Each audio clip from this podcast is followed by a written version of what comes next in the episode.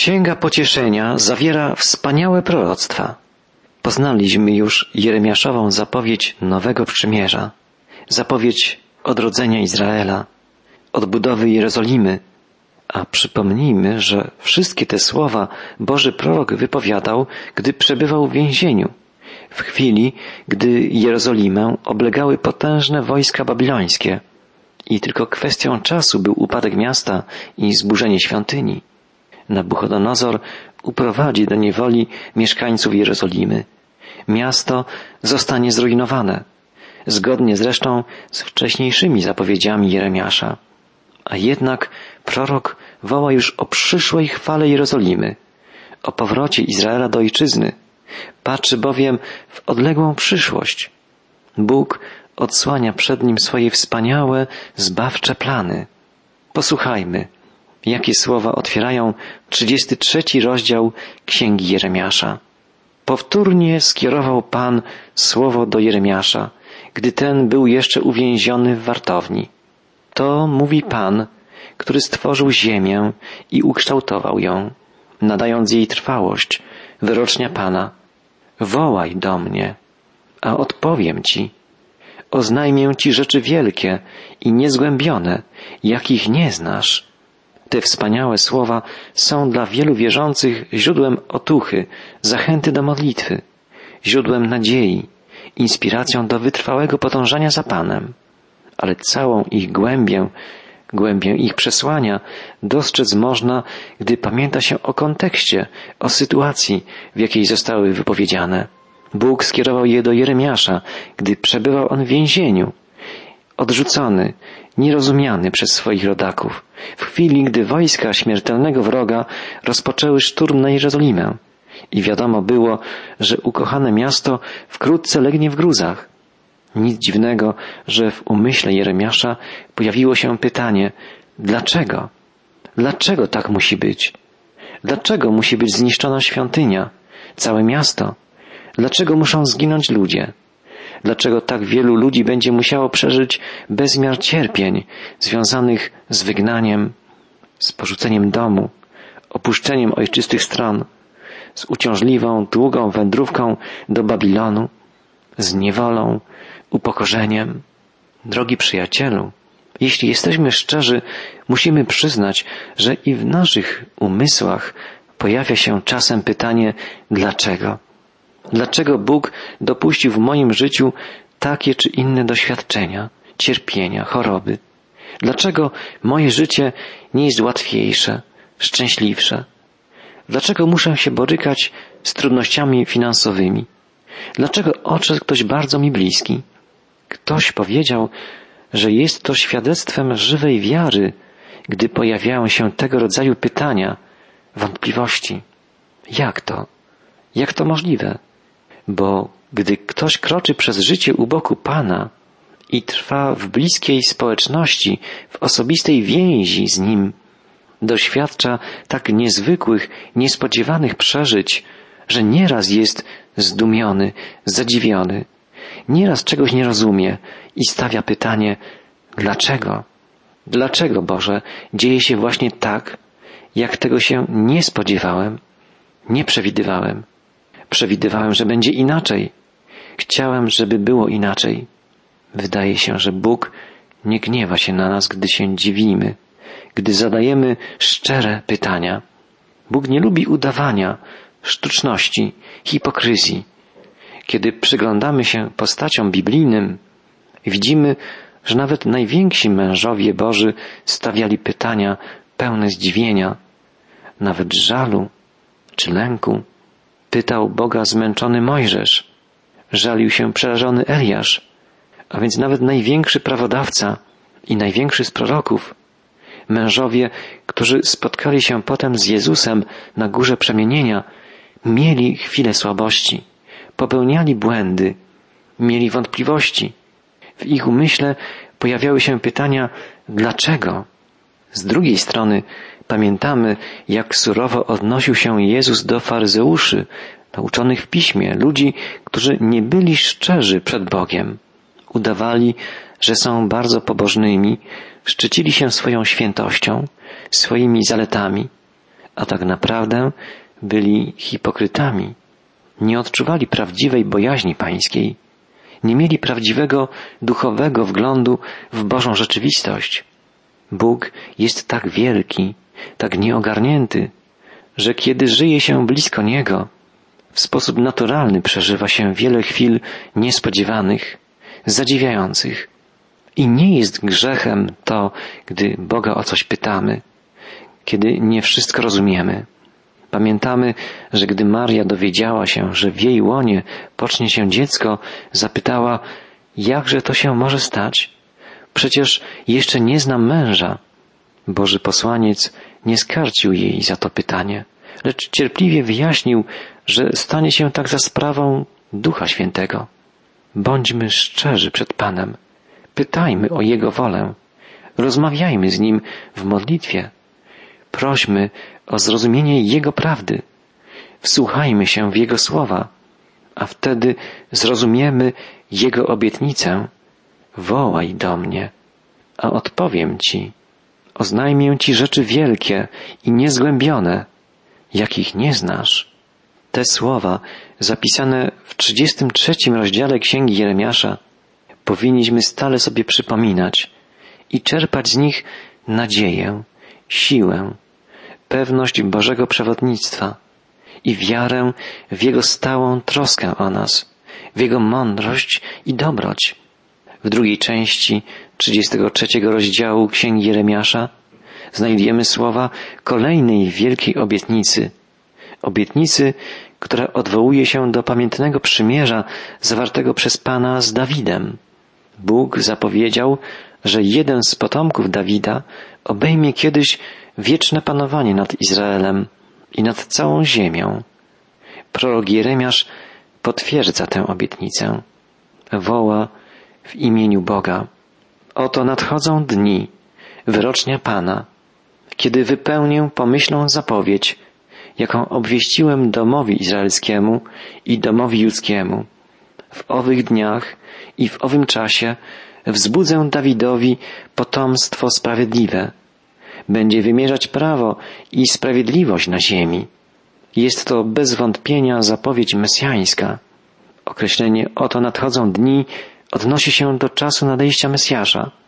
Sprawiedliwy potomek to ten, który narodził się z mocy Ducha Świętego w Betlejem. Nikt inny z potomków Dawida nie mógłby być nazwany sprawiedliwym, bo wszyscy byli grzesznikami. Nawet najlepsi królowie z linii Dawida, tacy jak Hiskiarz czy Jozjasz, popełniali wiele błędów. Sam Dawid uwikłał się w wielki grzech. O nikim nie można by powiedzieć, że był władcą wymierzającym prawo i sprawiedliwość na ziemi. Ten władca dopiero obejmie panowanie nad światem u kresu historii. W owych dniach Juda dostąpi zbawienia, a Jerozolima będzie mieszkała bezpiecznie. To zaś jest imię, którym ją będą nazywać. Pan naszą sprawiedliwością. Pan naszą sprawiedliwością. To imię, które stanie się dla Izraela wybawieniem. To imię Mesjasza, Króla. Pan naszą sprawiedliwością. To imię zbawienne także dla nas. Tylko jeśli jesteśmy okryci sprawiedliwością Chrystusa, możemy być usprawiedliwieni przed Bogiem, oczyszczeni z grzechu i przyjęci do Jego Królestwa. Prorok Jeremiasz woła, to bowiem mówi Pan, nie zabraknie Dawidowi potomka zasiadającego na tronie domu Izraela. Możemy zapytać, czy jest ktokolwiek, kto jako potomek Dawida mógłby dzisiaj zasiąść na tronie Izraela i rządzić światem, wprowadzając wszędzie prawo i sprawiedliwość? Nie ma nikogo, prócz jednej osoby, o której psalmista prorokował, rzekł Pan Panu memu, siądź po prawicy mojej, aż położę nieprzyjaciół Twoich jako podnóżek pod nogi Twoje. Bóg Ojciec wzywa wszystkich ludzi, by uchwycili się wiarą Jego jedynego Syna, który będzie zwycięzcą nad wszystkimi nieprzyjaciółmi, będzie królem nad całym światem. Pan skierował słowo do Jeremiasza. To mówi Pan. Jeżeli możecie złamać moje przymierze z dniem i moje przymierze z nocą, tak, że nie nastąpi ani dzień, ani noc w swoim właściwym czasie, to może być także zerwane moje przymierze z moim sługą Dawidem, by nie miał syna zasiadającego jako król na jego tronie i z moimi sługami, kapłanami. Jak niezliczone są zastępy niebieskie, niezmierzony piasek morski, tak samo pomnożę potomstwo sługi mojego, Dawida. W czasie, gdy Jeremiasz wypowiadał te prorocze słowa, na tronie w Jerozolimie zasiadał ostatni król judzki, Sedecjasz. Był on niegodnym, nieprawym człowiekiem. Wkrótce został wzięty do niewoli, a wojska potężnego władcy Babilonu, Nabuchodonozora, zrównały Jerozolimę z ziemią. Wydawałoby się, że nastał kres królewskiej linii Dawida. Sedecjasz został uśmiercony. Cały naród uprowadzono do niewoli. W normalnych warunkach oznaczałoby to koniec dynastii Dawida. Pomyślmy, na przestrzeni historii przeminęła potęga Nabuchodonozora. Nie ma dzisiaj nikogo, kto by zasiadał na tronie Babilonu. Przeminęła potęga nie tylko Persji, ale i Grecji, Rzymu. Upadły mocarstwa. Nie ma dzisiaj w Grecji następcy Aleksandra Wielkiego, czy następcy rzymskich Cezarów w Rzymie. Natomiast jest następca na tronie Dawida. Przebywa on dzisiaj po prawicy Ojca w niebie. Nadejdzie dzień, gdy pojawi się w Jerozolimie, zasiądzie na tronie Dawida i rozpocznie panowanie nad całym światem.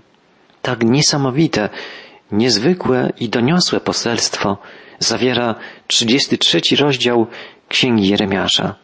Kolejne rozdziały Księgi Jeremiasza przynoszą proroctwa zapowiadające wydarzenia historyczne współczesne prorokowi. Najpierw w rozdziale 34 znajdujemy opis losu króla Sedecjasza. Słowo, jakie skierował Pan do Jeremiasza, gdy Nabuchodonozor, król babiloński, z całym swoim wojskiem, wszystkie królestwa ziemi mu poddane oraz wszystkie narody toczyli walkę o Jerozolimę i wszystkie jej miasta. To mówi Pan, Bóg Izraela. Idź i mów do króla judzkiego Sedecjasza. Powiedz mu, tak mówi Pan. Oto oddam to miasto w ręce króla babilońskiego, który wyda je na pastwę ognia. Ty zaś nie ujdziesz jego ręki, lecz zostaniesz niezawodnie pojmany i wydany w jego ręce. Zobaczysz wtedy króla babilońskiego oko w oko. Będzie on z tobą mówił twarzą w twarz i pójdziesz do Babilonu. Posłuchaj jednak słowa pańskiego, Sedecjaszu, królu judzki. To mówi Pan o tobie. Nie umrzesz od miecza, umrzesz spokojnie. I podobnie jak palono wonności dla twoich przodków, dawniejszych królów, którzy byli przed tobą, tak będą palić i dla ciebie. Będą śpiewać także dla ciebie pieśń żałobną. Albowiem ja wyrzekłem to słowo, wyrocznia Pana. Prorok Jeremiasz przepowiedział, że Jerozolima zostanie zniszczona, spalona, ale sam Sedecjasz zostanie zabrany do Babilonii, gdzie umrze i będzie pochowany z zachowaniem żałobnego ceremoniału królewskiego. Posłuchajmy, co jeszcze obwieścił Jeremiasz. Słowo, które Pan skierował do Jeremiasza po zawarciu przez króla Sedecjasza z całym ludem jerozolimskim umowy głoszącej powszechną wolność. Każdy miał obdarzyć wolnością swego niewolnika, Hebrajczyka i niewolnicę Hebrajkę. Nikomu nie wolno było trzymać u siebie brata swego Judejczyka jako niewolnika. Prorok przekazał polecenie Pana, aby wszyscy Hebrajczycy, którzy służyli jako niewolnicy, odzyskali wolność. Jako braci, rodaków, należało ich zwolnić bez wykupu po sześciu latach służby ale zaniedbywano ten przepis, podobnie jak inne reguły prawa mojżeszowego. Sedecjasz i inni przywódcy najpierw wypuścili niewolników na wolność, zapewne kierując się potrzebą wzmocnienia potencjału obronnego miasta, ale potem, po chwilowym odstąpieniu Babilończyków od oblężenia Jerozolimy, posiadacze niewolników złamali przyrzeczenie dane Bogu. Czytamy o tym w dalszych wierszach. Pan skierował wtedy słowo do Jeremiasza. To mówi Pan, Bóg Izraela, z waszymi przodkami, gdy wyprowadziłem ich z ziemi egipskiej, z domu niewoli, zawarłem przymierze, które mówiło, po upływie siedmiu lat wypuścicie na wolność każdy brata swego Hebrajczyka, który zaprzedał się Tobie w niewolę i służył przez sześć lat. Wypuścisz go od Ciebie jako człowieka wolnego.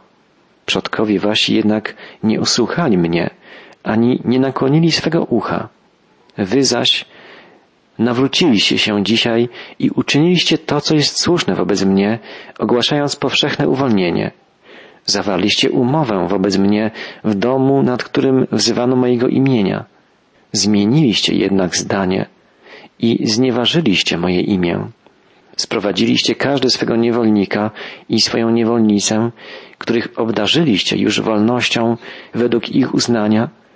Następnie zaś zmusiliście ich, by byli z powrotem u was niewolnikami i niewolnicami.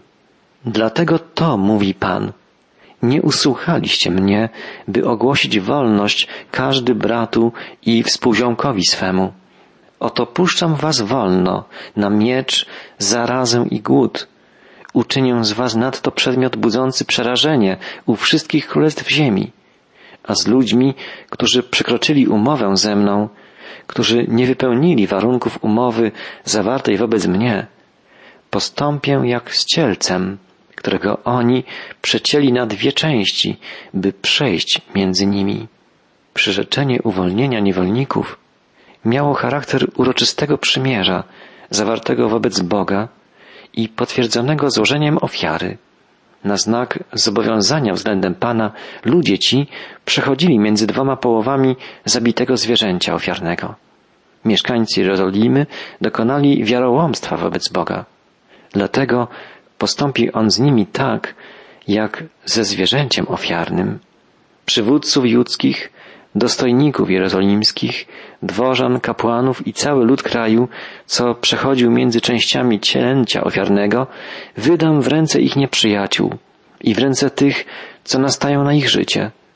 Zwłoki ich staną się żerem dla ptaków powietrznych i zwierząt lądowych. Sedecjasza zaś, króla judzkiego i jego przywódców wydam w ręce ich nieprzyjaciół, w ręce tych, co nastają na ich życie w ręce wojska króla babilońskiego, które teraz odeszło od was. Oto wydam rozkaz, wyrocznia Pana i sprowadzę ich znów przeciw temu miastu.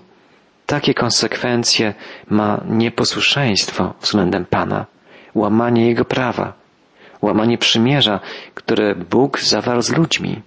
Przykład wiarołomnych Judejczyków jest wielkim ostrzeżeniem dla wszystkich tych, którzy lekceważą Boga Jego słowo. Prorok Jeremiasz ukazuje nam także przykład pozytywny. Dowiadujemy się, że w tych ciężkich, tragicznych chwilach byli w Jerozolimie ludzie wierni Panu i Jego prawu. Byli to rekabici, ludzie, którzy przybyli tu wraz z Izraelitami i mieszkali z nimi na południu kraju. Pozostawali zawsze wierni Panu, choć nie brali udziału w służbie liturgicznej w świątyni. Posłuszeństwo lepsze jest od ofiary. Ta prawda potwierdziła się w życiu rekabitów. Jeremiasz otrzymał polecenie Pana, by poddać ich próbie. Przygotował dla nich naczynia napełnione winem i powiedział im, pijcie. Czytamy, odrzekli, nie pijemy wina. Jonadab bowiem, syn Rekaba, nasz praojciec, nakazał nam, nie będziecie pili wina na wieki, ani wy, ani wasi synowie Byliśmy posłuszni poleceniu Jonadaba, syna Rekaba, naszego praojca, we wszystkim, co nam rozkazał. Powstrzymujemy się od picia wina przez całe życie, zarówno my sami, jak nasze żony, nasi synowie i nasze córki. Praojciec Rekabitów, syn Rekaba, Jonadab, o którym czytamy w drugiej księdze królewskiej, polecił swemu ludowi, by nie pili wina, i ludzie ci przez całe pokolenia wiernie przestrzegali tego prawa. Czytamy dalej. To mówi Pan zastępów, Bóg Izraela. Idź i mów do mężów judzkich i do mieszkańców Jerozolimy. Czy nie przyjęliście pouczenia, by słuchać mojego słowa?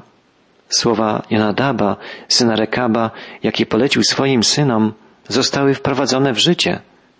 Zakazywały picia wina, więc nie piją do dzisiejszego dnia, bo są posłuszni zaleceniom swego praojca.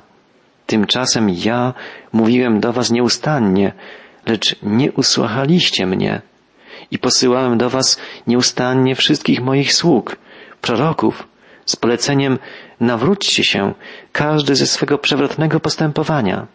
Poprawcie wasze uczynki, a nie chodźcie za innymi bóstwami, by im służyć, lecz nie nakłoniliście swego ucha, ani nie usłuchaliście mnie. Tak, synowie Nadaba, syna Rekaba, wprowadzili w życie nakaz swego praojca, jak im zlecił, a naród ten nie usłuchał mnie. Dlatego to mówi Pan, Bóg zastępów, Bóg Izraela. Oto sprowadzę na Judę i na wszystkich mieszkańców Jerozolimy nieszczęście, jakie postanowiłem przeciw nim. Albowiem mówiłem do nich, a nie słuchali. Wołałem do nich, a nie odpowiedzieli. Bóg ukazuje kontrast pomiędzy postępowaniem rekabitów i Judejczyków. Nieposłuszeństwo, odstępstwo Judejczyków zostanie ukarane. Wierność i posłuszeństwo rekabitów nagrodzone. Pamiętajmy, że Bóg oczekuje od nas wierności i posłuszeństwa.